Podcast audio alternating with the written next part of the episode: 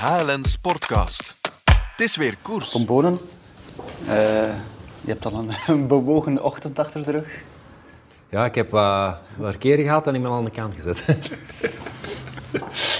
Dan moet je het toch even uitleggen. Aan de kant gezet, eh, waarom? Door de politie. Ja, maar het was vriendschappelijk. Mijn, eh, mijn, keuring, mijn keuring van mijn auto was niet meer in orde en ik ben dat eigenlijk gewoon vergeten. Dus ik ga dat in orde maken deze week. Kan de beste overkomen. Hè. Johan, Ja, rustig. Het, was, eh, het is nog altijd vlotjes voor ons richting uh, Oudenaarde, naar Antwerpen komen. Eh, het is een luxe om nu naar Antwerpen te komen in die periode. Ja. Eh, niet dat het leuk is, die periode, niet, maar is Ah, ik wou net zeggen lang leven covid, maar toch niet. hè? Nee, nee, absoluut niet. Maar ik was aan het denken, eh, vier jaar is dat keuring. De mijne gaat bijna ook vier jaar oud worden. Dat is meestal zo'n een kantelpunt om mijn auto weg te doen. Ja. Ik weet het. Ik weet het, ik ben aan het twijfelen, maar ik heb een emotionele band mee. Dat is belangrijk. Maar mannen, we gaan het niet hebben over, eh, over emotionele banden met eh, auto's. We gaan het hebben over het wielervoorjaar dat, er, dat erop zit. Doek is gevallen. Eh, toch wel eens een moment om eens terug te blikken. Om eens streng en rechtvaardig terug te blikken op, op wat we eigenlijk gezien hebben, wat we gekregen hebben. Ik heb jullie ook een leeg rapport gegeven. Daar staan vragen in zoals eh, wie is de renner van het voorjaar, wie is de revelatie, de ploeg, wie is de renner die onder de verwachtingen is gebleven, wat was de mooiste koers, de saaiste koers enzovoort. En daarnaast, aan de andere kant van dat eh, rapport, zien jullie ook eh, een vijftiental namen. En jullie mogen dan straks punten geven op tien aan renners. We gaan die dan in deze HLN Sportkast eh, overlopen. Ehm, ik hoop wel dat jullie bij het uitdelen van, van de punten zich niet zullen gedragen als een UCI-jurylid, want eh, ik verwacht wel enige deskundigheid. Maar goed, straks bellen we met eh, de bondscoach ook, met eh, Sven van Toernout. Eh, maar we gaan het eerst natuurlijk ook nog hebben over uh, Luik gisteren. Ja. Mooie winnaar, hè Tom? Ah, prachtig hè. Ik vind het eh, geweldig dat je toch toch... Allee, met corona is er wel een beetje een switch geweest dat de meeste renners ook wel allemaal de belangrijke koersen hebben gereden. Maar nu een toerwinnaar die luik wint, dat is, eh, ja, het is prachtig dat die mannen dat eh, terug beginnen gaan te doen, hè, die jonge garde. Ja, en slim hè, de manier waarop hij zich positioneert in die sprint in het wiel van Alaphilippe helemaal achteraan en dat groepje van vijf, zeer koelbloedig hè. Het is alsof dat er een soort van koelvloeistof door zijn, eh, door zijn ja. ja, aderen het eh, lijkt wel vloeit. alsof dat hem daar voor de twintigste keer eigenlijk eh, aan reed. Maar ja, het, is, het zijn toptalenten. Hè. Je moet die weinig leren. Hè. Ik, ik lees daar straks ook, ik wist het zelfs niet, ik heb het gisteren ook niet meegekregen, dat het zijn eerste eendagswedstrijd is dat hij wint bij de profs. En dan eigenlijk op die manier, ja, dan, dan laat je zien dat je het juist uitgesneden bent. hè. Dat wil zeggen dat je gewoon naturel bent. hè. We hebben het vaak over Remco Evenepoel, als het over supertalenten gaat. Eh, maar ja, die jongen, Tadej Pogacar, is even oud, hè, 22 jaar. Heeft al de Tour nu gewonnen, Tour de France. Nu Monument, Luik, Bastenaken, Luik. Ja, het is toch echt een, een fenomeen, hè, Johan? Het zijn al twee fenomenen. Alleen heeft de ene al een palmares achter zijn naam staan. Dat is een groot verschil. Hè. Eh, uiteraard door omstandigheden, valpartij. Toen had hij nog niet gereden ook, dus mogen we die valpartij daar niet eh, incalculeren voor Remco. Maar vandaag is, ja, we moeten wel stellen dat uh, Pogacar wel een grote voorsprong heeft ten opzichte van Remco. Die die achterstand wel kan inhalen hè, op termijn, dat kan wel. Maar alles die er al staat, staat er al. En ik ben er altijd zo, ik ben een realist in. Als het er al staat op jonge leeftijd, dan kan ze ook niet wegnemen. Ehm, ik ga een voorbeeld aannemen. Sagan was een typische ronde, van Vla ronde Milan Sanremo coureur. Ja. Vandaag nog nul. Hè. En het gaat er waarschijnlijk ook niet meer bij komen.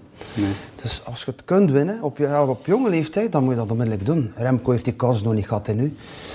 Ja, hij heeft veel gewonnen. Hè. Wat goed is, komt snel, zeggen ze Ja, vaak. Hè. Dan Tour is natuurlijk nog een andere zaak, ja, Tom? Ja, maar dat is ook wel iets, denk ik. Wij zijn dan altijd als Vlamingen voorzichtig. En hij heeft eigenlijk alle wedstrijden dat hij vorig jaar eh, heeft deelgenomen, in normale omstandigheden heeft hem gewonnen. Alle rondjes dat hij heeft deelgenomen, heeft hem gewonnen.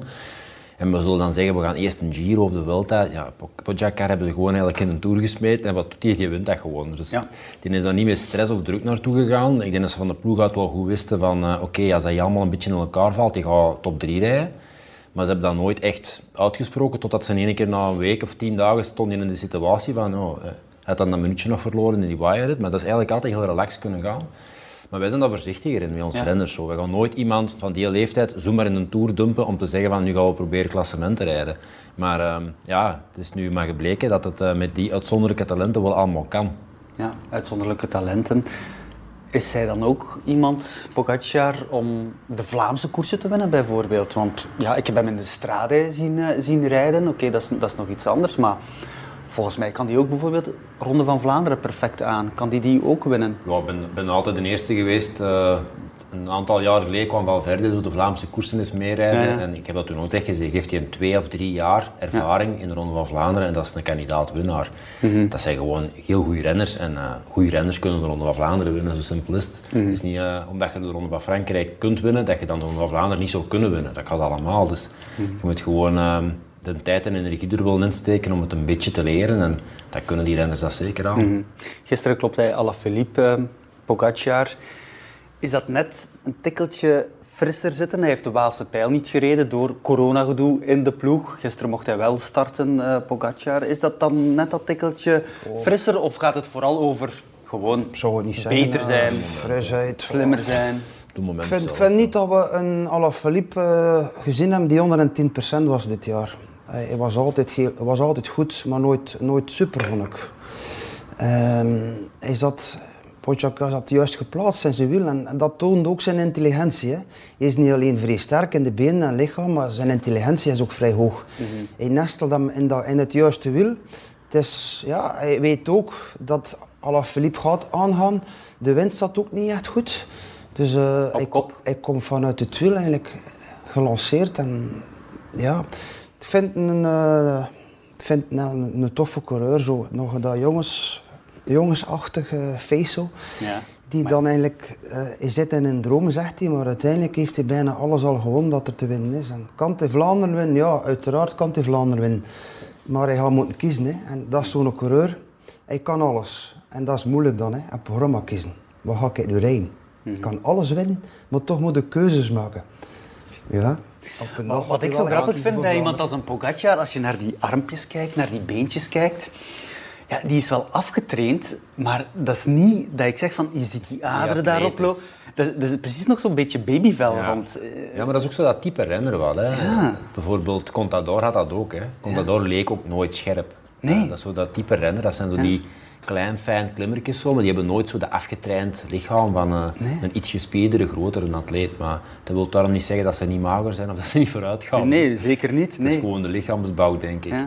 Maar waar ik nog even wou op terugkomen, dat is ook zo, dat ik met, met Pogacar ook nu, die, de eerste keer die Ronde van Frankrijk, nu de eerste keer luik, ehm, dat is allemaal leuk. Maar nu gaat er natuurlijk een moment komen dat hij inderdaad keuzes gaat moeten maken en dat er ook een druk gaat komen van het moeten presteren. En eh, je ziet dat toch vaak, dat het dan zo, die komen dan over en dat is zo paf, zo'n piek en dan sluimert dat zo'n beetje weg en dan komt dat wel terug en dan moeten ze moeten hun richting dan nog wel Ja, vinden. dat is, dat is helemaal waar. Maar als ik Pogacar eh, zie, al het, zo het voorbije jaar, het is alsof alles eigenlijk van hem afloopt. Ja. Die blijft in elke omstandigheid cool, rustig. Die lacht eens, ik vind het leuk, zegt hij. En, en de volgende koers staat hij er weer. Ik heb nog nooit de druk gezien bij hem. Dat is toch opvallend, Ja, hè? dat is waar, dat is waar. Dat is Maar waar. dat gaat wel komen, hè. zal misschien hoe meer dat je wint, hoe meer druk dat er komt. Ja. En je hebt daarnet de, de vergelijking met Remco gemaakt. Ja. Remco woont in een land dat eigenlijk heel moeilijk is om rustig te zijn. Ja. Hij woont in een land dat het iets makkelijker is om, om kampioen te worden en te Ja. zijn en, en grote koersen te winnen.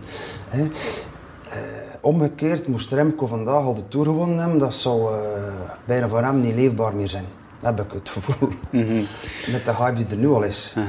Op dat vlak heeft hij wel een voorsprong ten opzichte van andere coureurs. Slovenië, Ja. rustig land, wel een wielercultuur, maar minder, veel minder dan België. Ja. Dus, en zelf ook gaat hij daar niet op in. Eh, hij vindt het goed en hij vindt dat leuk en het is een dream. Maar ja, hij, ja, ik weet niet als hij wel weet wat dat hij al gerealiseerd heeft. nu. Laten we eens even eh, kort hebben over eh, een man die eigenlijk eh, de papa zou kunnen zijn van eh Pogacar en van Evenepoel ook. Alejandro Valverde wordt eh, gisteren vierde. Ja, wat moeten we daar nog op zeggen? Gisteren 41 jaar geworden, Tom.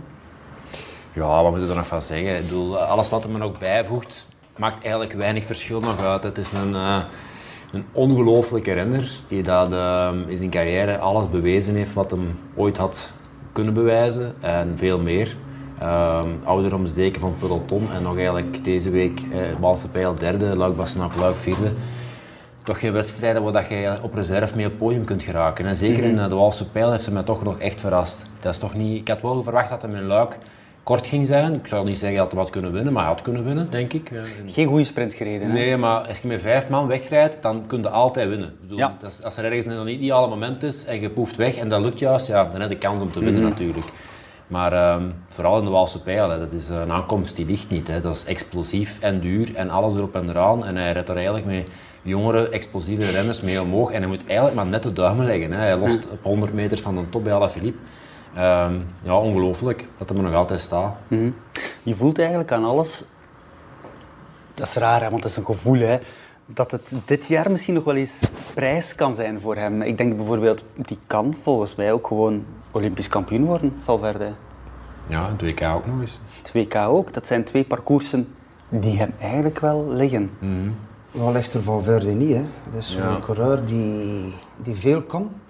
kwam een paar jaren terug naar Vlaanderen voor de eerste keer en reed dat wel al een keer in Waregem zo de week ervoor al een keer in beeld. Ja, ja, ja. Hè, En dat, dat is zo, die kampioenen die kunnen dat, alleen hebben ze die ervaring niet. Maar wat ik het leukste vind aan, aan het voorjaar, buiten dan die, die mooie overwinning, dat die ronde coureurs gewoon mee komen doen voor te winnen. Ja. Die komen het voorjaar nu met dezelfde conditie of dat ze in de Tour gaan hebben. Die gaan nu even afbouwen en dan weer opbouwen naar, eh, naar de Tour toe. En als ik dat zo mag zeggen, ik sta misschien niet goed geplaatst om dat te zijn, maar ik ga het toch zeggen, ik vind dat heel positief voor de wielersport. Dat is een teken dat het eh, nog cleaner is dan de meesten denken. Ja, en wel, het is goed dat je dat aanhaalt, Johan, van dat, dat cleaner. Valverde komt ook uit, een, uit een, een, een periode dat hij eventjes aan de kant moest en is dan teruggekomen op een nog grotere manier. En toont ook aan, al die jaren nog, zelfs op die leeftijd, dat het effectief kan. En dat heeft te maken met veel controles, maar ook veel... Ja, er is een enorme research naar andere zaken. Materiaal, voeding, eh, ja, de vermogensmeters die gekomen zijn. Renners die komen perfect aan de start. Jeugd wordt gescreend via de vermogensmeter. Ze moeten 5,5 al hebben om te kunnen pro-renner worden. Zo is het. En dit is positief voor de wielersport. En ik, ik haal er het positieve uit. Nu dat ik zeg van dit is mooi voor de wielersport. Dat toerrenners er nu al meedoen. Roglic ook. En die dan twee maanden later terug weer op hetzelfde niveau hebben. Dus dat is voor jou het teken van dat het allemaal ja, eh, cleaner is. Want vorige week, vorige de week zag ik dat meteen op... zones, hè. we moesten daar ook uit en we zijn er ook uit. Ja. En het is leuk dat ze komen meedoen en dat ze winnen. En we moeten daar niet veel meer over zeggen, maar ik wou dat toch wel eventjes kwijt, dat Ja, ja. het positief is voor de wielersport. Ze hebben een bepaald moment moeten ingrijpen en ze hebben dat goed gedaan. En we moeten ook durven zeggen van kijk, het is nu inderdaad wel goed. Ja, want vorige week meteen al vraagtekens na zijn eh, toch wel straffe prestatie op de muur van Hoei. Van, dat is toch niet normaal wat Valverde doet. Maar is er iets waaraan je zou kunnen twijfelen? Nee, waarom? Allee, ik bedoel, die mens die staat al meer dan 20 jaar aan de top van eh, de wielrennerij in verschillende tijdperken. En je staat daar nu nog. Ik Ja. bedoel, allee, als er iemand is waar dat je niet aan zou mogen twijfelen, dan is het hem. Allee, dus, maar dan er natuurlijk, ja, dus, eh, het draagt zijn verleden een beetje met zich mee.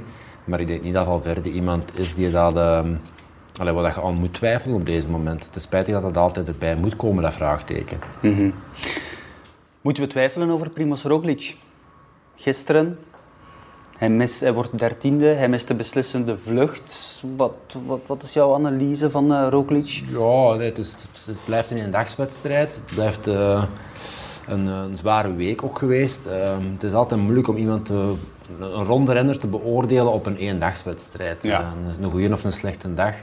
Eh 13 in Luik, Bastenaak, Luik. Eh, ik heb dat bij de profs nooit klaargekregen. Ik ben er nooit niet gestart. Dus ik wil maar zeggen, allee, alles is relatief. Hè. Ehm, je kunt op één dag iemand die dat kandidaat winnaar is van de Ronde van Frankrijk moeilijk beoordelen, denk ik, in deze Maar- periode van het jaar. Hij start natuurlijk in Luik om te winnen. Ja. Hij wordt dan wel eh, tweede in de Waalse pijl na Julien Alaphilippe. Maar dit was ook zijn laatste wedstrijd voor de Tour. Een heel goed gevoel zal hij daar toch niet aan overhouden. Blijft dan zoiets hangen, denk je, Tom? Eh, ik weet dat niet. Ik weet niet hoe hij in elkaar zit, maar ik denk niet... Allee, als ik Rustige, beleefde me- Ja, jongen. dat weet ik. Door- Als ik over mezelf zou spreken, ik zou dat, als je de Tour de France aan het voorbereiden bent en dan eh, eigenlijk een Waalse pijl ehm, een, een nummer opvoert eigenlijk. Want het is eh, jaren geleden dat we dat gezien hebben. Iemand dat vandaar durft gaan. Zeker. Dus dat denk ik niet dat hij met een slecht gevoel zijn voorbereiding op de Ronde van Frankrijk eh, start. Ik denk dat hij vooral woensdag echt een berenkoers gereden heeft. En dan gisteren ja, misschien iets minder een dag. Of misschien met zijn hoofd al bij een tour gezeten heeft, wie zal het zeggen. Ja, en hij heeft ook een sterke ronde van het Baskeland gereden Ja. natuurlijk. Straks gaan jullie nog punten geven aan eh, Roglic, maar eerst toch enkele Belgen nog overlopen. Ties Benoot, zevende geworden, eh, Johan. Knap. Ja, als je daar kunt eh, zevende worden in, in, in die wedstrijd. Het is ook een wedstrijd dat is benood geen goed ligt. Hè. Ehm, maar het is benood gaat nooit de grote winnaar worden. Dat weet hij ook en dat weten we iedereen. En het is zo iemand die ja, alles moet meezetten om een koers te winnen. En ik vind dat hij gisteren al een goede, heel goede wedstrijd heeft gereden. En, ja, daar een beetje in de slipstream van, van die groten. Ehm, was zijn seizoen goed, is ziek geweest naar Parijs-Nice en dan iets minder. Dus het kan beter. Maar op zich, voor zijn laatste koers is dat leuk. Hè? Dat je een goede koers hebt gereden. Je zegt het, hij heeft eh, gisteren wel een belangrijk hoofdstuk afgesloten, hè, zijn carrière. Het was de laatste keer dat hij een voorjaar heeft afgewerkt als klassiek renner. Ties Benoot, volgend jaar focust hij op eh, de rittenkoersen. Is dat een goede keuze, Tom? Ja, ik heb dat eigenlijk altijd al tegen hem gezegd. Vanaf het moment dat hij daar, ehm, was dat in Dauphiné zeker, dat hij nog de eerste keer, een paar jaar terug, eh, een resultaat had gereden. Dauphiné en dan natuurlijk eh Parijs-Nice vorig Ja, jaar. ja, ja, maar dat is al, dat is al Ja. langer geleden. Ja. Ik denk toen een neoprof of het ja, tweede jaar of eerstejaars prof was. En eh, ik ging met Tige af en toe wel eens trainen in Ardennen. En ik heb dat altijd tegen hem gezegd, dat hij veel meer het type uh, ronderenner is van een week en misschien zelfs van drie weken. Dat zal hem zelf nog moeten ontdekken. Maar natuurlijk, eh, hij heeft zich in het begin ook ja, met die Ronde van Vlaanderen, dat hem daar dicht was, heeft hem zich zo onmiddellijk in dat schuifje van de Vlaamse koers geschoven. Toen werd hij vijfde. hè, En ja, dat, en ehm, daar krijg je zo onmiddellijk een stempel op gedrukt. En je schept ook zelf verwachtingen naar je, je eigen toe om daar dan beter gaan te doen. Maar ik denk dat die altijd een hart en nieren een rondrenner is geweest. ja, hij wint natuurlijk ook Strade Bianche. Was Ja. ook niet... Ja, Dat is natuurlijk Maar met... Strade is, is niet echt... Allee, Strade is ook een wedstrijd die al veel meer aandoet bij het type kandidaat-winnaar Tour de France. Ja, Of. Dat zagen dan- we ook aan dan, het eh, deelnemersveld dit jaar bijvoorbeeld. hoogtemeters, zwaar koers. ja. Hij zegt zelf wel dat hij aan zijn lichaam zal moeten werken nu. Het is benood, eh, een beetje moeten afvallen. Maar ik dacht dat hij al zo Ja. mager wa- was heb hem, als een eh, tak eigenlijk. Die Ik heb hem woensdag toevallig tegengekomen op training. Hij stond langs de kant. Eh, en er was een accident gebeurd en ik dacht eerst van er is een aanrijding tussen ons. Maar ze hebben gewoon even gewacht. Er was een mevrouwke met een mini-brommerke in de gracht beland. En ze waren aan het bellen naar de 100 en wachten daar. Eh, en ik zag hem zo staan daar in zijn koerspak. Ik zei, ik zei, mooi. Dat is wel heel scherp. Heel dus scherp, om te zeggen dat hij nog scherper moet. Is dat, een, is dat een smal, probleem? smal, extra is dat een probleem in het peloton, die magerzucht? Nee, ja, dat is uw beroep ook. Hè. Ik denk, eh, uw lichaam is uw, uw werktuig. En zeker eh, iemand als Tisch is ook geen kleine. Nee, nee, Ehm, hij is groot, hij Je is zit, groot. je zit al bij de zwaardere mannen dan in, eh, in dat type wedstrijden toch. Ja, dan is iedere 100 gram of iedere kilo, kilo, dat praten we al niet over, iedere 100 gram wordt dan heel belangrijk. En ik denk dat er, ehm, dat er bij iedereen momenteel een, allee, een gezonde manier van, van werken is. Ik denk niet dat er magerzucht in het peloton is of zo, maar renners zijn altijd mager geweest. Hè. Als je aan Ja. de top moet Maar als ik. Chris Froome zie... Het is, Ja, toch... ik, eh, heb, ik had ik in mijn, eh, mijn magerste periode ooit, dat was met WK en mijn drie, zo woog ik 77,5 kilo van een meter 93. hè. Dan zit ik rond de 3,5% vet. Dat- ik heb daar nog foto's van, want Stefan van Vleter heeft toen foto's van mij gepakt voor een fotoreeks. Dat is precies dat je uit de concentratiekamp komt op die moment. hè. En dat vinden we dan nog mooi, hè, want oh, je bent vier bewegen. Maar ik, zie nu, ik vind nu dat ik het toch beter had zien. Maar ik, ja, dat is gewoon... ehm, als je zeker bij de zwaardere renners bent, wordt dat nog belangrijker. Hè. Ja, inderdaad, interessant. Maurice van Zevenand, laten we het daar even over hebben. Gisteren toch gestart in Luik. Geen ronde van eh Romandie zoals eh, eerder gepland. Hij werd tachtigste gisteren. Ik had gisteren het gevoel, die jongen zit er een beetje door. Die, heeft, eh, die snakt naar rust. Zo, eh, Mag ook, hè. Het zou normaal zijn, zeker, dat hij even nu eh, een klein beetje naar beneden gaat. Zijn de leeftijd, veel gekoerst, altijd super agressief gekoerst, tot op het laatste. Altijd maar proberen, zoals in Amstel, dat kruipt in de kleren zoiets. Hè. Altijd maar willen terugkeren. Eh, allemaal nieuw voor hem. Maar op zich hebben ze goed gedaan om hem te laten starten, naar ervaring toe, toekomstgericht. Hij zat wel in de kopgroep op, uh, op Laredoet, hè. Ja, klopt. Dus eh, juist gepositioneerd en hij zat mee vooraan. Hij zat daar een beetje on, ongelukkig, want hij was aan het kijken waar zit mijn kopman hier, Alf Philippe, die er niet bij zat. Hij zat er wel. Dus dit is belangrijk voor jonge coureur dat hij die koersen kan rijden in functie van de komende jaren.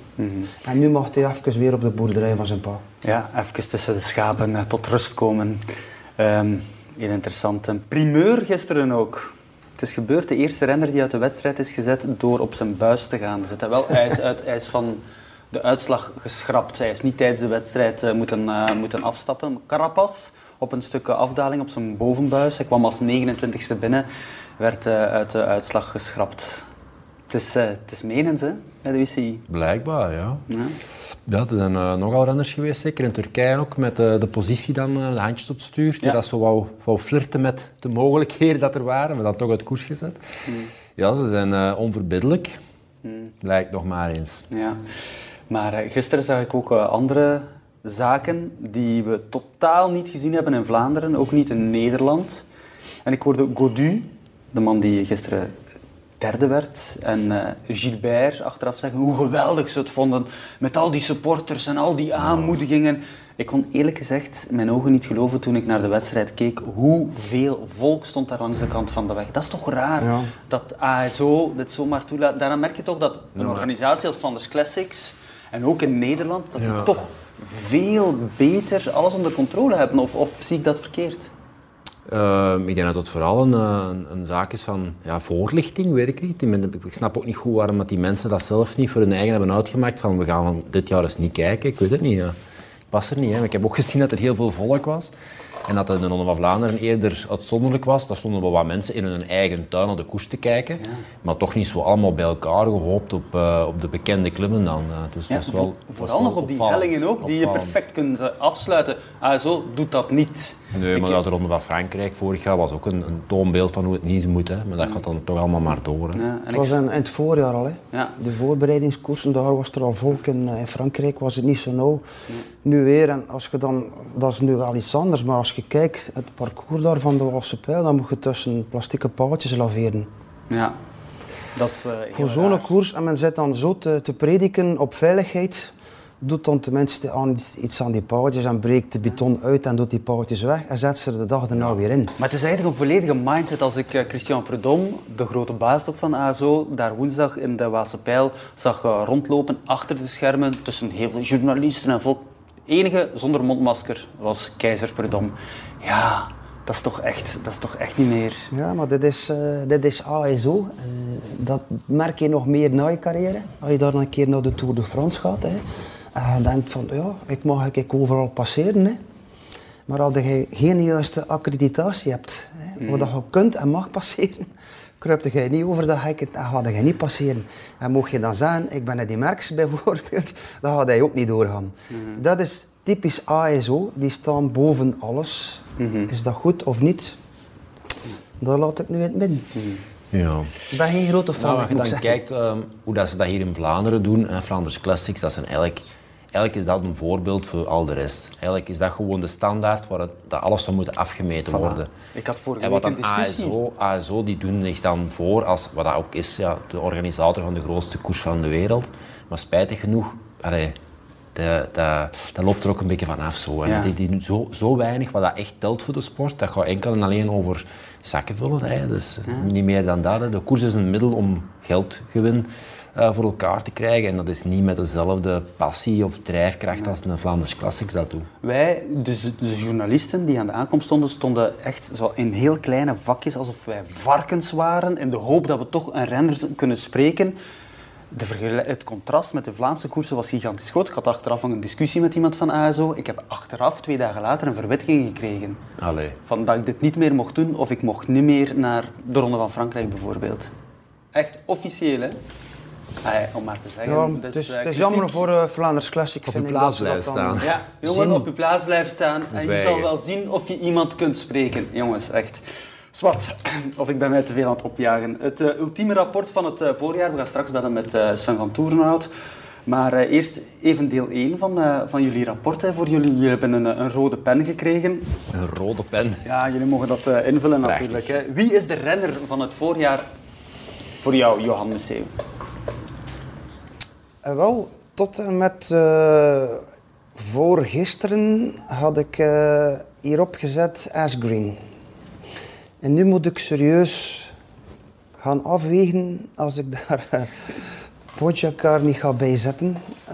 Um, waarom vind ik Asgreen? Um, men had dat niet verwacht, dat hij uh, Ronde van Vlaanderen ging winnen. Hmm. Wint dan ook nog in Scharelbeek. En dat is de barometer voor de Ronde van Vlaanderen. Iemand die daar wint en daar finale rijdt, men weet dat. Dus dat was geen verrassing dat hij daar in de Ronde van Vlaanderen zit. Maar dat hij naast Van der Poel rijdt op de Padersberg en hij zijn ogen keek van ik ben even sterk als u en ik krijg met u naar de meet en ik ga nu ook kloppen. Dat vond ik wel heel sterk. Okay. Uh, dat, was, dat is een nieuwe topper die aan de top komt. Dus daarom dat ik hem daar ook zet en een monument wint. Dus maar vandaag, er mag maar één zijn. Eén, ja. Johan, er kan maar één de renner zijn van het voorjaar. Ja, Dan ga ik toch voor Asgreen, want ik ben nog okay. Ronde van Vlaanderen coureur geweest. Schrijf dat, schrijf dat maar op. Uh, ja, Tom, hij heeft mijn antwoord gepikt. Godver. Kasper Asgreen ook, Tom? Ja, vooral de manier waarop. Um, je kunt nu spreken over allee, iedereen van de, de toppers uh, die goed gereden hebben en mooie dingen al te zien hebben, maar denk ik de manier waarop dat hem Harelbeke wint en dan in de Ronde van Vlaanderen dat gewoon nog eens overdoet, dominant, in controle. Um, ja, ik denk uh, dat je moeilijk iemand anders op de eerste plaats kunt zetten. Als je dat maar één renner mocht noemen, dan is het Asgreen. Ja, goh, ik, ik, ik zou daarover kunnen discussiëren. Als natuurlijk, ik denk aan, aan Wout van Aert natuurlijk. Als je ziet van de Strade Bianca tot eigenlijk uh, de Amstel Gold Race. Maar ja, het is winnen. Hè. Het is winnen, ja, twee etappes in de Tirreno. Uh, puntenklassement in de Tirreno. Gent-Wevelgem gewonnen. Uh, Amstel Gold Race gewonnen. Maar natuurlijk geen maar, monument. Ja, maar nee, dat, is, allee, dat is, is, als je de Ronde van Vlaanderen kunt winnen op de manier waarop Asgreen dat gewonnen heeft, tegen eigenlijk op die moment de sterkste renner van het peloton, denk ik dan. Hè, want zo wordt dat toch, zo wordt dat toch aanzien. Hij kon die sprint nooit winnen. Harelbeke, ja, dat was niet meer domineren. Hè. Dat, was, dat was met een 1200 cc ervoor rijden, bij manier van spreken. Dat was dominant zijn. Dus ja, dat zijn toch wedstrijden. Allee, ja, je moet ergens een verschil maken. Hè. Dus uh, als je de Ronde van Vlaanderen kunt winnen op die manier, ja, dat staat ik dat er toch nog een, beetje boven. Oké, kijk, dat is duidelijk. Dat is, uh, dat is jullie keuze. Hè. Wie is onder de verwachtingen gebleven, Tom? Van wie had je op voorhand... Dat zijn er veel voor dit, dit, voorjaar ik vind, dat altijd zo, ik vind dat altijd zo moeilijk. Ik vind dat altijd zo van die... Maar we zitten hier niet voor... Nee, uh, dat is hier niet gemakkelijk. Hè? Allee, iedereen heeft, iedereen dat, dat onder de verwachtingen blijft voor zichzelf, die heeft er een reden voor. Hè. Dat is niemand dat bewust nee, gaat koersen van oh ja, ik kan niet. deze voorjaar eens slecht rijden. Die zijn allemaal of ziek geweest, of een slechte voorbereiding gehad, of een valpartij gehad.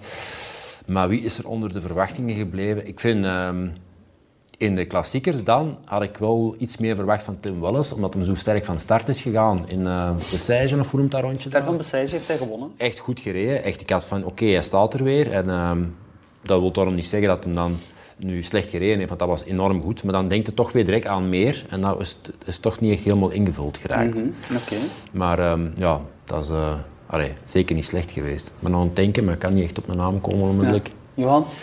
Ja, ik heb een beetje hetzelfde gevoel als Tom. Het is moeilijk om, uh, om, om renners uh, te beoordelen, omdat je dan meestal al weet, er is een verkeerd trainingsarbeid of overtraind of de bloedanalyse is niet juist. Dus maar er, is, van, er is altijd wel iets. Ja. Maar bloedanalyse en ziek zijn, oké, snap ik. Maar verkeerde trainingsarbeid, ja, dat is dan de verkeerde keuze. Dat is dan niet, niet, niet goed gedaan. En dat zorgt er dan voor dat, dat je uiteindelijk onder de verwachtingen gaat. Verwachtingen, dus van Tim Welles kan ik zeggen, ik verwachtte daar iets van, omdat hij zo goed gereden had. Andere renners het is niet dat ik zo in februari zeg allee, dat ik mijn lijstje afloop en dat ga ik van die verwachten en dat ga ik van die verwachten. Nee, nee, nee. Allee, het komt gelijk dat het komt. Hè. De, verwachtingen worden gecreëerd door de renners zelf. prestaties. Het is omdat je al goed gereden hebt. Ergens in de kijker hebt, dat je begint dingen gaan Dat is ook wat, wat ik wil... Dat is nog een beetje de, de ex-renner die hier zit, hè, die nog een klein beetje van...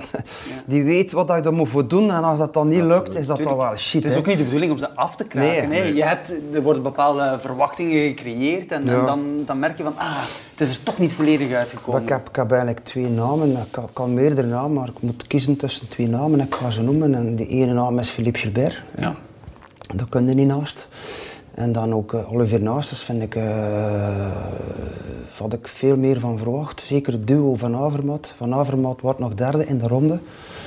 Hij heeft mooie wedstrijden gedaan. Even finales ja, gekleurd. Dan hebben we van Oliver niet gezien. En dat is een type coureur die dat moet kunnen. In elke voorjaarskoers moet hij daar aanwezig zijn. En er gaat ook ergens een probleem zijn. Maar nu moet ik een naam kiezen. Hè. ga dan toch uh, ja, voor Philippe gaan, omdat ik vind... Uh, ik vind het jammer. Ik zag hem ook gisteren ook weer uh, daar van achter bengelen. Hmm. Het was ook niet de juiste keuze, vind ik, om hem te laten starten in Wassepijl en Luik. Daar herstarten niet. Dat zijn koersen dat moet goed zijn ja. om daar te starten. Anders overleefde dat niet of kunnen dat zelfs niet uitrijden. Ja, Gilbert. Oké, dat is uh, duidelijk. Revelatie van het uh, voorjaar, Tom? Um, dat gaat iets heel raars zijn, maar ik ga zeggen um, Pogacar. Nee, dat is niet raar. Ik had... Uh, je weet dat hij dat kan, maar ik had niet verwacht dat hij dat al ging doen. Mm -hmm. Dus ja, voor mij duidelijk. Ja. Johan? Dat kan gewoon niet hetzelfde zijn. Hè? Ik ga, ik ga een naam zetten die, die regelmatig nu uh, naar boven is gekomen en ook rare dingen heeft laten zien, rare dingen, positieve dingen. En uh, ik vind Mauri van Zevenhand wel een serieuze stap heeft hmm. gezet. En ik heb hem kunnen volgen als jeugdrenner. Dat was gewoon goed. En nu die stap uh, bij de ploeglijk vijver is enorm. En heeft hem zelf opgewerkt naar een mogelijke kandidaat kopman. Ja, en niet alleen op de fiets, hè, ook naast dus hij fiets. Stond niet, hij stond ook al op de lijst van de Olympische Spelen, dat weet ik van de bondscoach. Wat uh, wel wat tegenwind gaf toen, toen dat hij op die lijst moest staan. Dan, oeh, Mario van Stevenand, ja. wat doet hij hier? Uh, en de bondscoach zei van, ja maar oh, hij gaat nog bewijzen. Hè. En dat is ook zo gebeurd. Dus ja, ik vind dat toch wel een, een revelatie. Ja, ik vind het raar dat, uh, dat jullie niet denken Pitcock. aan Tom Pitcock, ja? We zijn chauvinistisch, hè. Ja, niet alleen dat. Dat is, uh, toch, dat is toch iemand waar je al heel veel van verwacht. En, um... Ja, toch ook maar 21. Ja, en de manier waarop dan de Brabantse pijl wint, de Amstel Gold Race, ja, maar net er zijn, niet. Er zijn hij komt uit het veld ook, in de Stradial. Allee, bedoel, hij is, hij is ja. overal aanwezig ja. geweest. Ik vind dat wel straf het is moeilijk, Het is moeilijk, hè. de revelatie. Je mocht er weer maar één naam opzetten.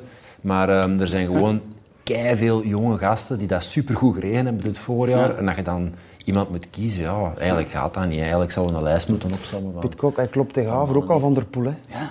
Dus dat was van de winter. Dat was al een teken van, oké, okay, die gaat zeker meedoen. Je ziet dat al van namen ook. Op zich, als je zijn carrière bekijkt als wegrenner, het is wel indrukwekkend geweest hè, als jeugdrenner. Dus het is geen verrassing.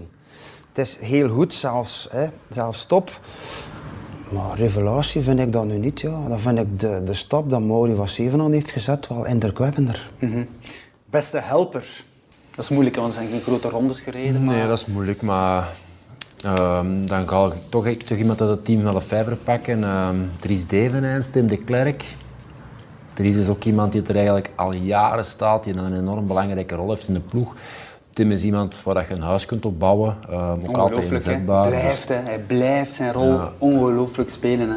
Maar um, ja, ik kies dan toch Dries, omdat dat iemand is die zo in de finale nog een steentje kan bijdragen. Je kan nog wat scheve situaties rechtzetten en dat is toch um, in mijn ogen dan een heel onderschatte rol nog altijd. Ja, en je ziet ook hoe Alaphilippe Dries Devenijns blindelings vertrouwt. Hè? Ja. Op elk moment. Dat is, dat is een fantastische tandem om eigenlijk ook aan het werk te zien. Oké, okay, Dries Devenijns, jij, Johan?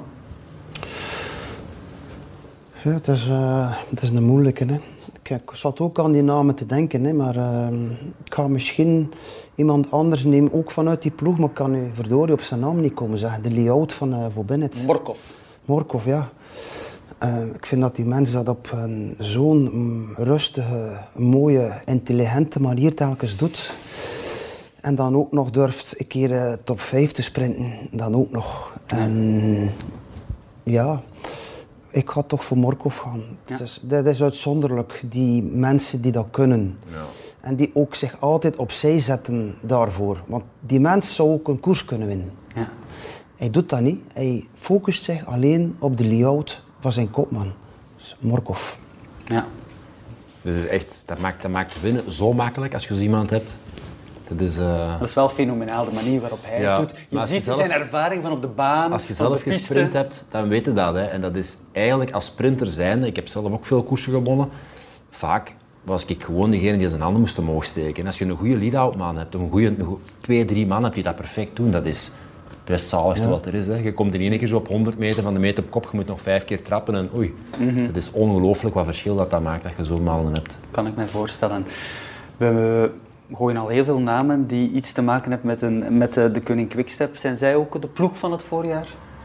Ehm, ja, ik denk het wel. Hè. Je kunt er eh, de ploeg van eh Christophe Roltoff misschien nog een beetje naast zetten, maar dan, als je puur op resultaten gaat kijken, dan, eh, Ja, want eh, dan op is, Twitter... er, is er geen concurrentie. Nee, Patrick Lefevre gooide gisteravond eh, op Twitter wat statistieken. 20 zegens, Koning Quickstep, 15 tweede plaatsen en 12 derde plaatsen. Dus ik denk wel, Dan mogen we met thuis komen. dan je met thuis komen. Dan, eh, dan mag je hier Absoluut. de ploeg van het voorjaar genoemd Ja, worden. Of zeg jij iemand anders? Veel eh, gewonnen. Dan, dan nemen ze ook nog een keer de Ronde van Vlaanderen daarbij. En Alaphilippe, die toch ook wel altijd aanwezig was, dan van zeven had. En al die jonge renners die dan ook in die andere, mindere koersen, dat wij minder volgen, hè, wij nu wel, waar ze ook telkens dan winnen, zelfs op een dag dat ze twee keer wonnen. Eh, ja, ze blijven het doen en ze gaan dat ook blijven doen. Ze. Er is niemand die eh, dat potje kan boetseren of maken om ook zo'n ploeg te hebben. We hebben, ik vind dat, dat, dat Roodhofs dat ook niet slecht doen. Nee, nee. Ze bouwen ook verder aan. Heel En ze goed durven ook wel een keer een renner nemen dat een ander niet neemt en dan ook op niveau komt. Dus goed, ja, maar toch ja, Lefebvre, eh, neem maar Lefebvre, blijft verder doen. Maar het is wel wat je zegt. Ik ben wel onder de indruk van uh, Alpecin Phoenix toch ook wel. Ja, hè? ja absoluut. Want je, moet, je moet ook kijken de, de middelen waarmee dat, dat gebeurt. Voilà. Hè. Het zijn volledig eigen middelen dat hem helemaal zelf in elkaar gestoken heeft. En ze werken er ook mee en dat marcheert gewoon. Hè. Dus je hebt natuurlijk een hele goede kopman. Die dat die ploeg ook wel eh, mee naar een ander niveau heeft gebracht. Ehm, Maar dat wil niet zeggen dat het werk van Christophe Roodhoft uh, zomaar kan overboord gesmeten worden. Hij doet het gewoon met die mannen allemaal. En het is een ploeg die spreekt op de verbeelding. Het is een ploeg waar dat je volgens mij als renner ook wilt gaan rijden. Dat is iets waar dat je graag naartoe gaat. Dat zie je ook En- bij Jasper Philipsen Ja, bijvoorbeeld. Ja, daar ging ik nog iets over zeggen. Ah, maar dat, komt, dat komt nog. Ah, oké, oké. Ik ben benieuwd. Een beetje een eh, cliffhanger. Fantastisch. Mooie, de mooiste koers, Johan, dit voorjaar. De mooiste koers. Oh, dat is, we hebben veel mooie koersen gezien. Hè. Mm, Parijs-Roubaix. Parijs-Roubaix, voilà. Die komt nog. Hè. Ja. Eh, Moet nog komen. Ja, het begon al met de Strada Bianchi die wel eh, Dat is persoonlijk voor mij, vind ik dat nog de mooiste koers geweest. super mooi met een eh, ja, Van der Poel die wel buitengewoon sterk was op dat moment al. Dan vond ik de Ronde van Vlaanderen ook niet verkeerd. Hè. Lang Ik herhaal vond nog ik. een keer, als je dan naast Van der Poel kunt rijden en je kijkt een keer in die ogen en je zegt, manneke, ik ga je toch kloppen op je weet. En iedereen zegt wereldwijd, Van der Poel gaat winnen. Ja. En iedereen zit op zijn topje van zijn stoel dan, die laatste 200 meter en hij komt er dan over zo. Ik vond toch de uitdunning van het peloton en de Ah, versnellingen. ja, weet je, ik, en, ga, en, en ook, ik heb Strada enkele keer gereden als toerist nu en ik vind het een supermooie wedstrijd. Ik heb hem jammer genoeg niet als coureur kunnen rijden. Ik denk dat hij net iets te zwaar ging zijn om daar te kunnen winnen, denk ik. Met die hoogtemeters. Misschien Ik had, Het eerste jaar was dat Sava. Hè? Het Ja. eerste jaar was hij niet zo zwaar. Hè? ik ga de Strada. Bianchi nemen. Ja. Dat is ik mooiste ook koers. eigenlijk. Jij, Tom? Naar Parijs-Roubaix. Moet nog komen. Hè? Ach, Tom, jongen. Is niet gereden, hè. Ah nee, maar ja, dat is sowieso de mooiste koers. Je vraagt mij, wat vind je de mooiste koers? Ehm, eh, voor de wedstrijden die al gereden zijn... eh, oh. Ja, dat is moeilijk. Ja, alle wedstrijden zijn eh, specifiek. ik heb van de Ronde van Vlaanderen heel hard genoten, zoals Johan. Ja. Ja. Om er nu een, één wedstrijd te plakken, gaan we eigen onthouden. Ik blijf bij Parijs-Roubaix. Dus ook niet de saaiste koers, dat blijft hetzelfde. De saaiste koers was de Waalse pijl, bij uitstek. Ongelooflijk, Ja, hè. dat Ja, was- altijd klaar. In die Waalse koersen in het algemeen, dat dat toch eigenlijk altijd maar saaie bedoeling is. Nee, ze moeten daar toch iets aan In doen. Luik hadden dan nog iets of wat van finale, de Ja. laatste 20 kilometer. Ja. Maar de Waalse pijl, ik heb toevallig de laatste 400 meter gezien van de koers en dat was genoeg. Ja, Je moest de rest, ik heb nog eens was- samenvattingen bekeken, maar er is eigenlijk niks gebeurd tot Nee. 400 meter van de meter. klopt. En dan nog eh, één vraag. Hè. Het moment van het voorjaar. Dan heb ik het niet specifiek over overwinningen of zo, maar bijvoorbeeld de bidon van eh Cher, de fotofinish eh, na de Amstel Gold Race. Nu komt mijn cliffhanger. Hè. Jasper Philipsen die de Scheldeprijs wint. Voor Cavendish en Bennett. Nee, ik moest iets zeggen. Hè. Allee, er Ja, zijn ja. heel veel momenten geweest. Ik wou even over Jasper hebben, want hij heeft eh, ook een stap gezet weer al. Ja. Turkije nog supergoed gesprint. En, ehm, ja, het is ook iemand waar we in de toekomst nog veel deugd van gaan hebben. Denk we ik ook een wel. Beetje, eh, allee, we hebben Wout van Aert wel, maar zo echt een sprinter, sprinter zo. Het is goed dat hij er is. En ook ja, de manier waarop dat hem daar die twee mannen bij Quickstep eigenlijk eh, de das afdoet, dus dat vond ik eh, prachtig om te zien. Het is een vriendje van u, hè? Ja, ik ken hem redelijk goed. ja. Maar echt een goede coureur, toch? Hè? een het is, goeie, het is goed dat hij... Want in het begin heeft de juiste waren er wel wat... gezet. Hij heeft de juiste stap de juiste gezet, stap gezet. Ik heb dat ook direct gezegd, dat is de juiste beslissing geweest. En, eh, hij krijgt dan een goede rol. Hij heeft dan een ploeg die, dat voor hem, wel, die mee wil denken met hem en mee wil werken met hem. En eh, dat is wat, wat hij hem nodig had. ja. ja, want het voelde aanvankelijk toch een beetje aan als een stapje terug, maar eigenlijk... Ja, maar ik denk dat hem bij, met Christophe zelf ook een beetje vast zat daar. Die had zijn naam wat mee en dat is moeilijk om daar dan eigenlijk die voorbij te steken in de rangorde. En dan kun je beter, nee, een stap terug is dat niet, hè. En een andere stap pakken in een ploeg waar je dan eh, dat wel kunt krijgen of creëren. En dat heeft hem gedaan, dus ik, zie hem nog, eh, ik zie hem nog veel koersen winnen dit jaar. Voor we naar de bondscoach bellen, wat is jouw moment, Johan? Eén moment dat je Eén moment zijn er veel. Hè. Je kunt een positief en je kunt een negatief moment nemen. Hè. Aan jou de keuze. Wel, iets dat ik niet had verwacht op dat moment zelf. eh, de laatste keer beklimming van de oude Quarmo, dat Wout van Aert lost. Ah ja. Ehm, Dat was onverwacht, Dat inderdaad, was ja. onverwacht en dat ik niet verwacht, dat ik ook niet zien aankomen. Maar je zag dan ook wel nog een keer op de Patersberg dat het eh, iets minder was. En van zo'n coureur verwachtte dat niet, dat hij dat op dat moment daar lost. Lost is relatief, hè? dat is verkeerd gezegd, maar de, de demarrage van Mathieu was indrukwekkend. Maar Wout kan dat ook. Dus Ja. dat was zo'n moment dat ik zeg van, dat is jammer, dat, is, dat is raar. Hm, Oké.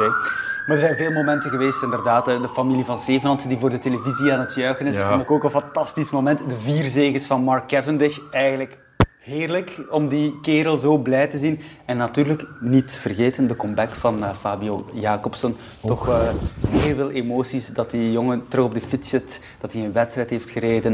En het kan alleen maar eh, naar omhoog gaan. Hè. Goed. Straks deel 2 van het rapport mogen jullie echt punten geven aan renners, maar we gaan eerst even bellen met de bondscoach, met Sven van Toerenhout. Goedemorgen Sven van Toerenhout. Goedemorgen. Dag Sven. We gaan het eh, even hebben over het eh, voorbije eh, voorjaar, hè, want doek is gevallen. Met welk gevoel kijk jij terug op het, ja, het hele voorjaar, Sven? Ik denk dat we met z'n allen echt wel fantastische koersen hebben gezien. Hè. Van bij de aanvang van het seizoen tot op, tot op vandaag, tot gisteren eigenlijk met Luik, denk ik dat we ja, echt attractieve koersen gezien hebben. Eh, verschillende winnaars ook hebben gehad, hè, mooie winnaars hebben gehad. En eh, ja, ik heb echt genoten van het voorjaar, absoluut.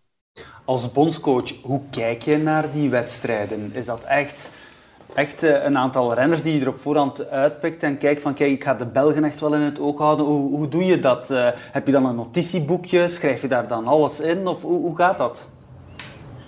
In de eerste plaats ja, ben, ben ik natuurlijk echt koersliefhebber. Hè, en, en volg je dat zoals je dat al jarenlang hebt gedaan. En, je kijkt graag naar de koers en je ziet mooie koersen.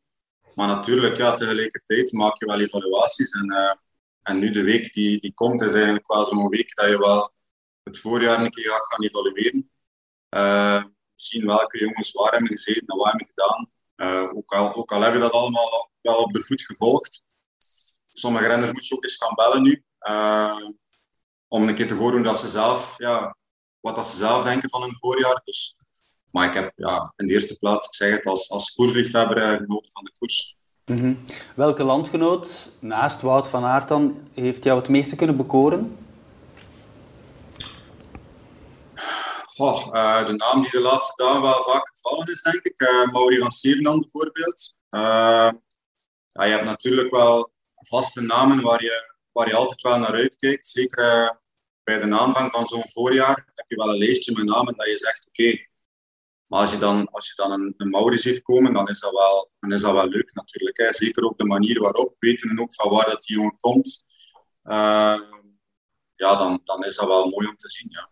Is het een verrassing voor jou of is het gewoon een bevestiging van wat hij eigenlijk in de jeugdcategorieën eigenlijk al heeft gedaan?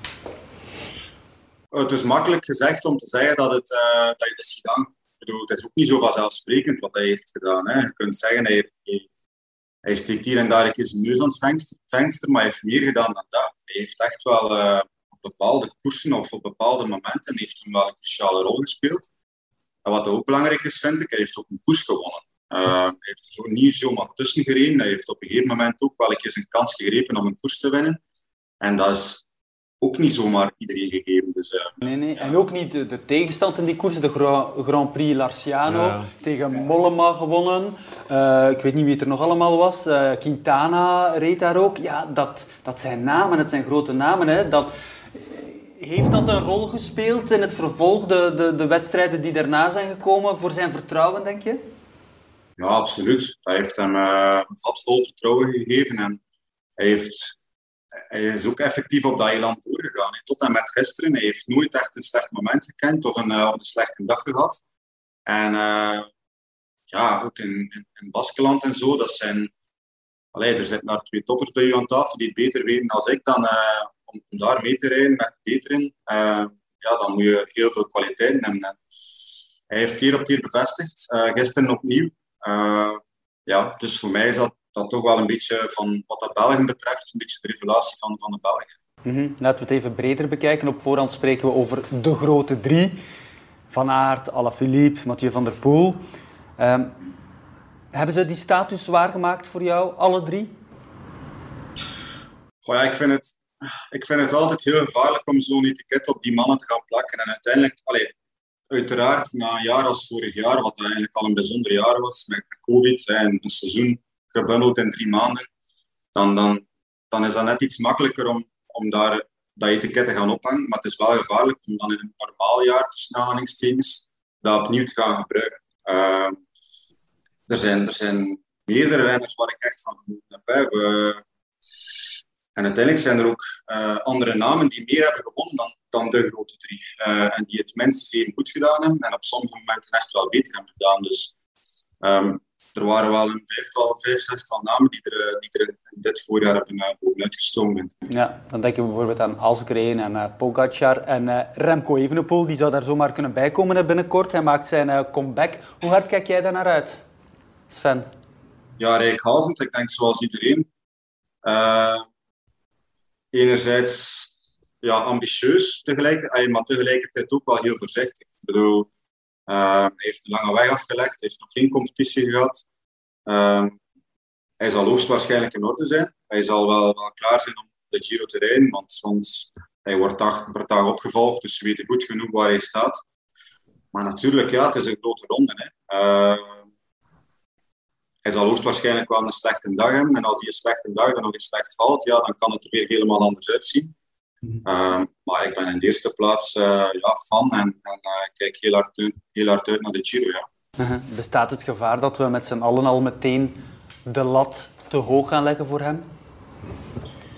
Ik hoop dat we dat niet doen. Uh, maar het is natuurlijk Remco Evenepoel en hij heeft zoveel dingen laten zien in het verleden, waardoor dat, dat heel gevaarlijk wordt. Maar ja, ik, ik ben daar heel voorzichtig in. Ook al weten we dat hij tot heel veel in staat is, uh, moeten we echt wel voorzichtig in zijn en proberen, ja, zoals hij het moet doen, dag per dag doorkomen. Oké, okay. en daar gaat het beeld even op freeze. Ik ga ervan uit dat dat... Als uh... komt, dat hij geen last heeft van zijn blessure, blessureleed geweest uh, een, een, paar maanden terug. En uh, dat hij vanuit de Giro weer kan verder bouwen richting de zomer. Oké. Okay. Hoe zeker ben jij al van de selectie voor de Olympische Spelen, Sven? Oh, in mijn hoofd, uh, ja, 99% zeker denk ik. Uh, ik heb wel de namen in mijn hoofd, maar je moet nu natuurlijk wel met een aantal jongens nog een keer praten en doen. En, wij, mogen niet in jouw hoofd, wij mogen niet in jouw hoofd kijken nu, Sven? Nee, dat is, ik, ik wil eerst met, met een aantal jongens daar nog een gesprek over hebben. En ook, het is het, het, hangt natuurlijk ook af van uh, hey, Remco bijvoorbeeld nu in de Giro ook. Uh, waar staat hij? Wat gaat hij doen? Dat, is ook, dat bepaalt ook veel. Hè. Uh, want als je van daaruit dan richting Tokio kijkt, ja, als, als, als je met iemand als Remco dan effectief als kopman gaat of niet, dat, dat maakt ook wel een verschil uit in de namen die je. Mm -hmm. Wanneer is die absolute deadline voor de selectie, die bekendmaking? Ja, officieel is dat eind juni, maar ik zou, allee, ik ben er eerlijk in. Ik heb dat ook beloofd aan de jongens uh, allemaal. Dat, dat ik graag ja, tegen half mei iedereen wil laten weten van kijk, zo zit het. Um, ik vind niet dat we daar veel langer mee moeten wachten. Tokio is ook niet bij de deur.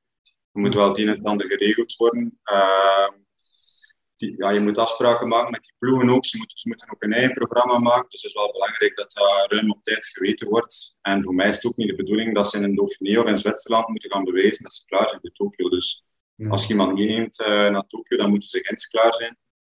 En, uh, en niet halverwege juni. Dus uh, ja, dus bij een dag en een week of twee wordt dat voor de jongens wel duidelijk.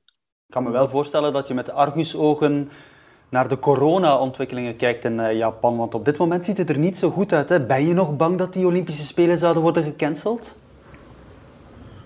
Oh, dat niet. Maar dat, het er niet goed ziet en dat het er niet makkelijker op wordt, dat is een feit. Maar ik denk niet dat ze daar nu nog gaan van, uh, van terugkomen. je merkt dat, ja, dat daar ook andere belangen bij spelen. Politieke, financiële, noem maar op. Dus ik denk niet dat dat nog gaat geschrapt worden. Maar ja, het zal zeker niet makkelijk zijn. Ook logistiek en zo is het uh, ja, hemel en aarde verzet om alles een beetje geregeld te krijgen.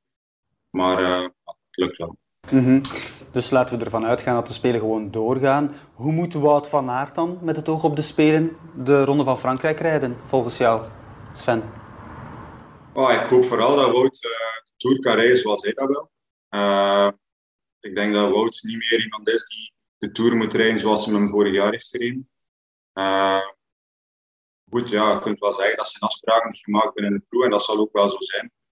Maar ik denk niet dat we nog uh, ja, een Wout van Aert drie weken aan een stuk lang op kop gaan zien rijden. En, uh. Ik denk dat hij in de eerste plaats moet gaan om, om proberen een rit te winnen. En uh, ja, van daaruit te zien.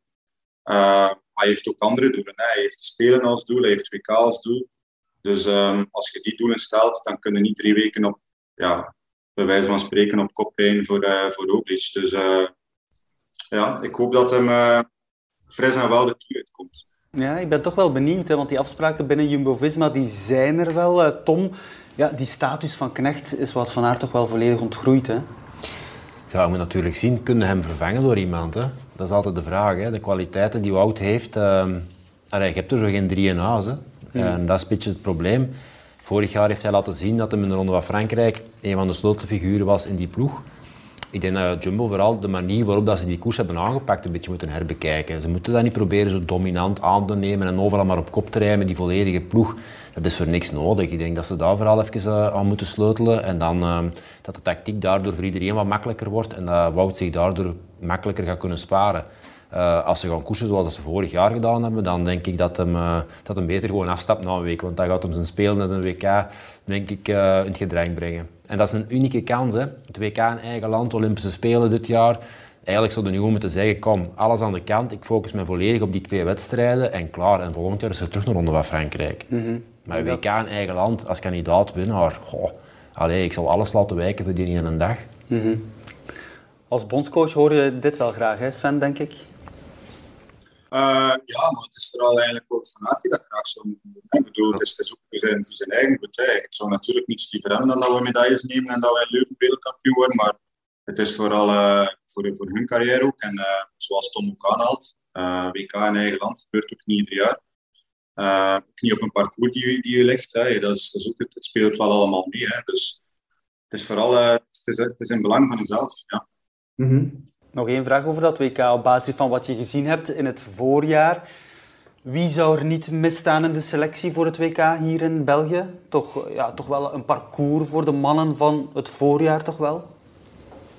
Goh ja, weet je, dat is altijd wel... Dat is niet makkelijk. Ik bedoel, je komt na een voorjaar, je hebt trainers, je hebt, hebt die, die vaste namen, zoals we daarnet al zeiden. Je, hebt, je hebt Van Avermaat, je hebt Naast, je hebt Van Marken. Je noemt ze maar op. Uh, Sommige zijn beter geweest dan verwacht, sommige zijn minder geweest dan verwacht. Maar veel conclusies mogen we daar nu op dit moment niet trekken. Hè. Uiteindelijk moeten ze goed zijn in september voor de WK te rijden en niet in april. Uh, er zijn er die wat kwaaltjes hebben gehad. Uh, uiteindelijk, na een voorjaar als dit geweest, kijk je vooral naar de, naar de positieve dingen. Hè. Zoals ik daarnet ook zei, de Mauri die er dan een keer eh, bovenuit steekt. maar als er renners zijn geweest die ja, net niet goed genoeg waren, of misschien een klein beetje teleurstaand zijn geweest, ja, dan moet je dat ook niet meteen van de lijst gaan schrappen. Want het, het kan zomaar binnen, uh, binnen twee of twee, twee, drie maanden anders gaan uitzien voor sommigen. Uh, maar ja, dat bijvoorbeeld een Jasper Stuyven wel een streepje voor heeft na Milaan Sanremo te winnen, dan is dat ook weer logisch. Dus um, ja, dat zijn dingen voor augustus, denk ik. Uh, ik denk dat ze voor hunzelf ook wel altijd die balans kunnen ommaken naar een voorjaar. Dat, dat, dat ik dat niet alleen hoef te doen. En dan zien we wel weer. Nog veel eh, knopen om door te hakken dit jaar. Belangrijk jaar toch wel. Jouw eerste jaar als eh, bondscoach ook op de weg. Sven van Toeren nog een uh, drukke dag vandaag? Ja, ik heb nog wel een aantal afspraken omtrent te spelen eigenlijk, met BOIC.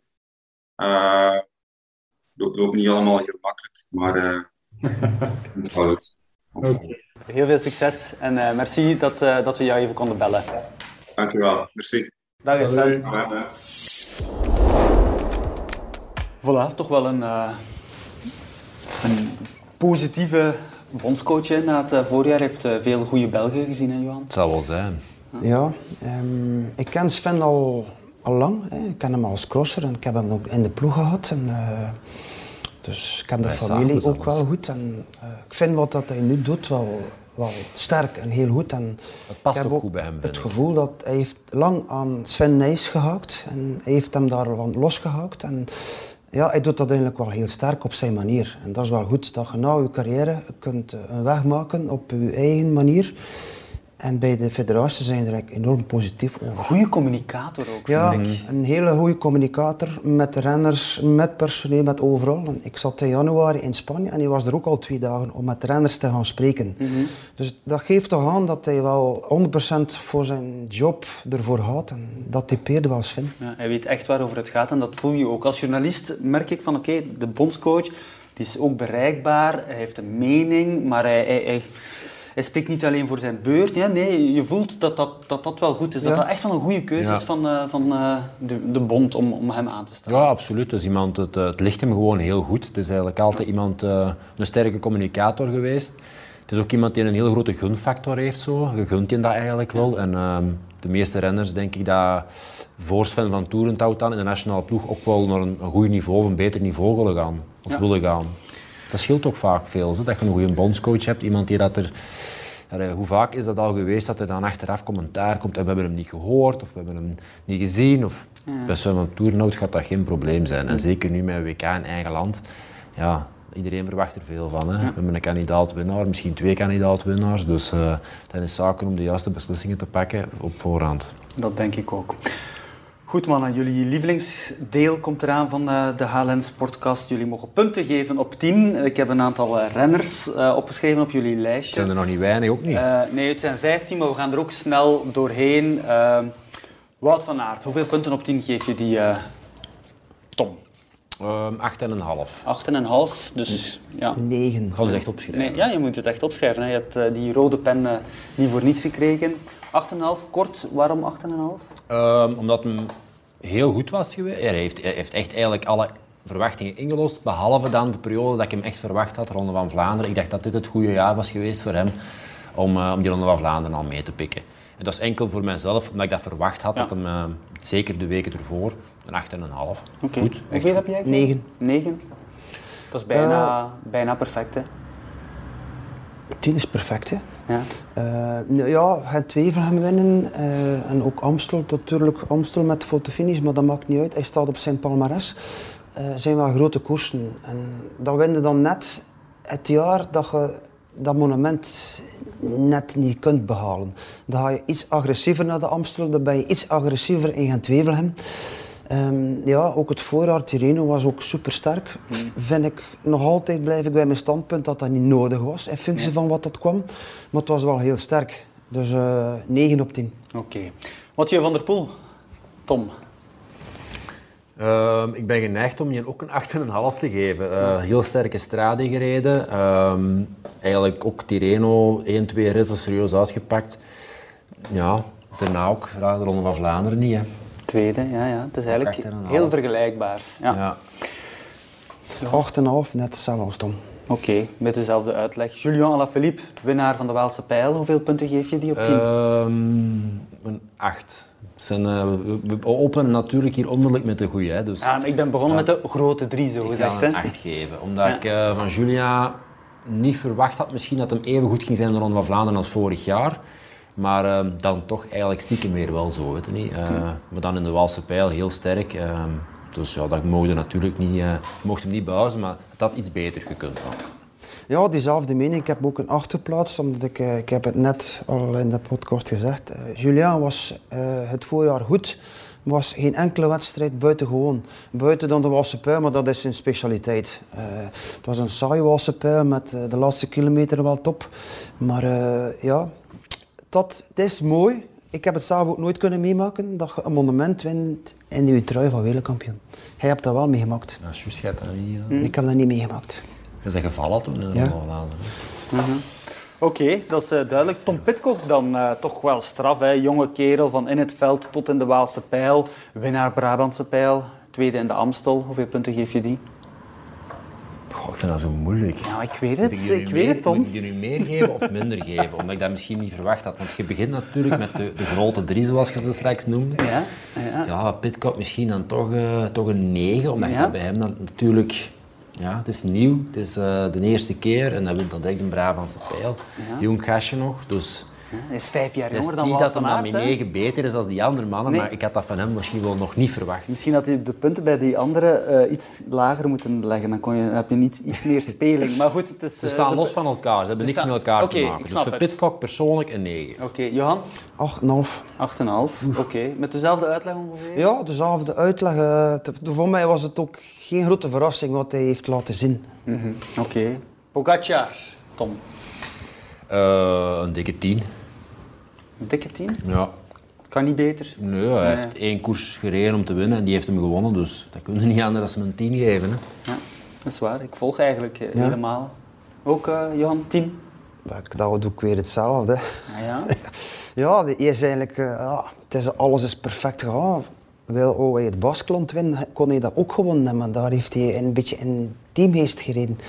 Ja, tien. Ja, de man die het Baskeland won, overtuigend was Primoz Roglic. Hij miste door pech de eindzege in Parijs-Nice, tweede in de Waalse Pijl, pech in de Amstel Gold Race, in Luik niet goed genoeg. Hoeveel punten geef je die, Roglic? Toch ook 8,5. Ehm ik denk dat we niet mogen vergeten dat eigenlijk alleen Luik was dat een beetje tegenviel. Dat tegenval is een groot woord, maar al de rest was gewoon knalgoed. Hè. Dus Ja, 8,5. heeft wel wat eh, pech gehad inderdaad. Ja, Eh, 8,5. 8,5. Acht. 8, oké. Greg van Avermaat, hoeveel geef je die? Ik geef Greg ook een 8 op 10, omdat Greg ehm, ja, in de, de herfst van zijn carrière toch nog heel mooie dingen heeft laten zien. Hij was heel sterk in eh, de voorbereidingswedstrijden, Harelbeke, Ronde van Vlaanderen. Ja, gewoon degelijk, een 8 op 10. Veel finales meegekleurd, reed op zijn niveau, derde in de Ronde van Ja, Vlaanderen, klopt. Johan. klopt. Eh, niks aan toe te voegen wat Tom zegt. Op zijn leeftijd heeft hij een heel mooi voorjaar gereden. Degelijk, echt Ja. goed. Oké. Niet meer dan dat, of niet slechter dan dat. Oliver Naassen, toch wel wat jonger dan eh Greg. Ja, dat is, dat is een er tussen staat, vrij moeilijk om te beoordelen. Ik blijf toch bij dat het eh, meer mocht zijn dan, dan dit voorjaar. Mm, ik heb helaas maar een 6 gezet. Oké. Tom? Ja, moeilijk ook. Een 7. Ja. Je kan geen lage punten geven, ik voel het. Het is Nee, moeilijk. ik. Je zou geen goede leraar zijn. hè. Nee, ik, ik, zou- ik iedereen een 10 geven, gewoon omdat ze de moeite hebben gedaan voor te koersen.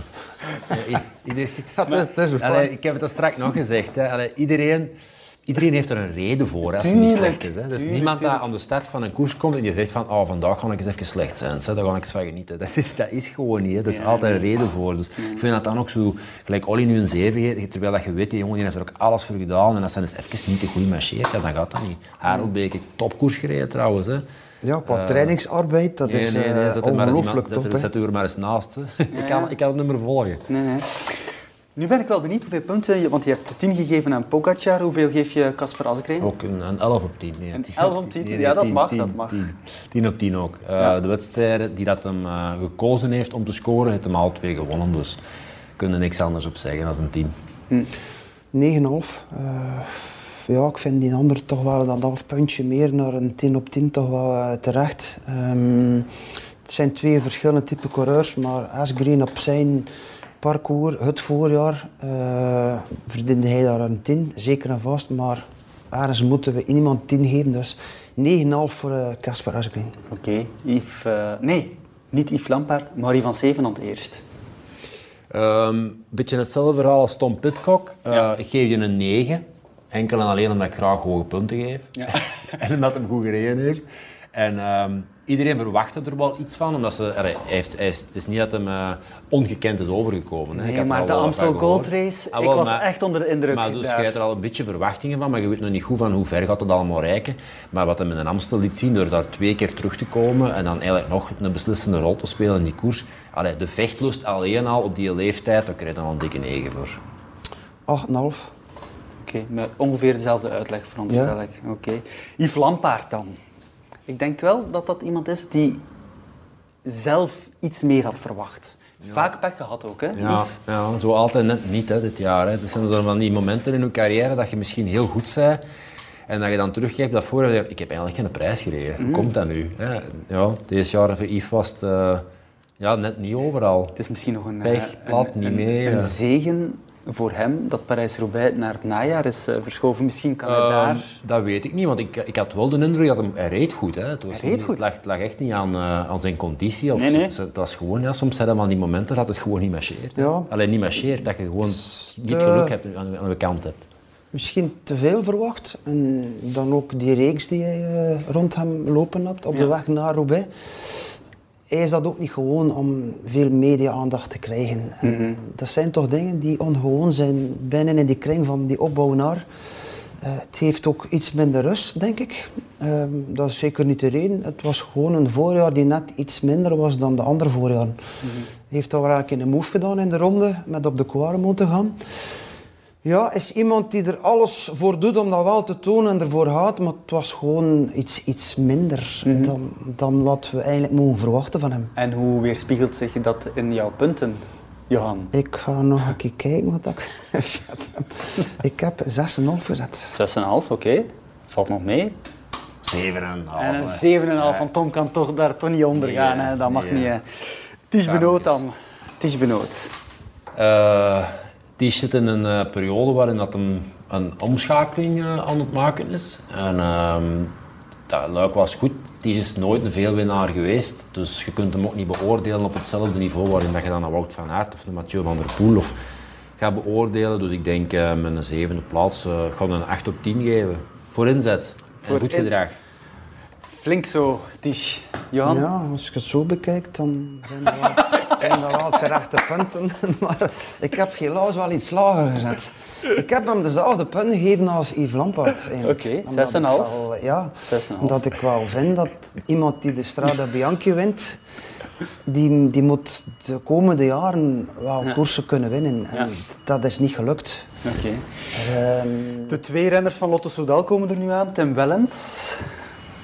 Tom?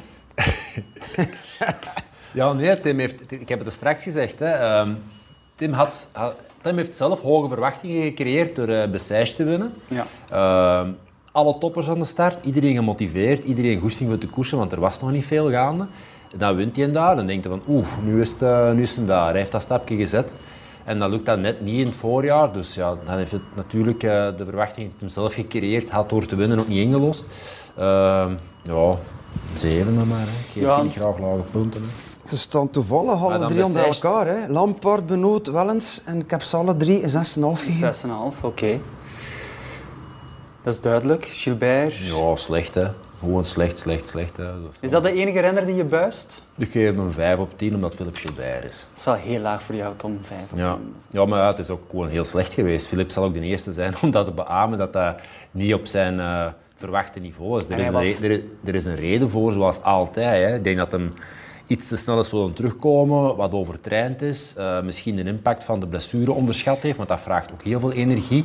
Dan iets te snel nog meer beginnen vragen van dat lichaam door te trainen, te veel te trainen. En dan krijg je zo'n lap rond de oren en je weet niet meer van wat parochie dat je zei. En hij was echt ontgoocheld, hè, want Ja. eh, de Waalse pijl, hij reed gewoon voorbij. Hè. Na de finish geen, eh, geen pers toespreken of zo. Dus dat wil zeggen dat hij er toch wel meer van had verwacht. Tuurlijk, dat is, dat is normaal. Hè. Een man die wel gewonnen heeft. Hè. Jasper Stuyven. Ja, dat is voor mij dan een moeilijk om punten te geven. Ehm wint een monument. En daarna was het, eh, dan denk je van, die gaat zeker nog diezelfde flitsen laten zien in, in zijn voorjaarskoersen. En dat heb ik zo niet gehad. Hij was aanwezig, maar niet op de manier dat hij wegflitste in, in Sanremo. En de moeilijkste koers voor te winnen in het voorjaar. Dus ik geef hem een 8,5. 8,5. Ik ging dat eigenlijk ook doen, 8,5. Oké, dat is een mooie Ja, afsluiter. Jasper eh, heeft zijn monument binnen. Hè. Het is eh, prachtig gedaan. En het is inderdaad, eh, het wordt vaak gezegd, de moeilijkste koers om te winnen. Maar ik denk als je achteraf aan hem vraagt, was het vandaag moeilijk? Nee, want hij heeft die ene juiste beslissing gepakt op die moment. En dan denkt hij achteraf van, eigenlijk is dat helemaal niet zo moeilijk om Milaan Sanremo te winnen.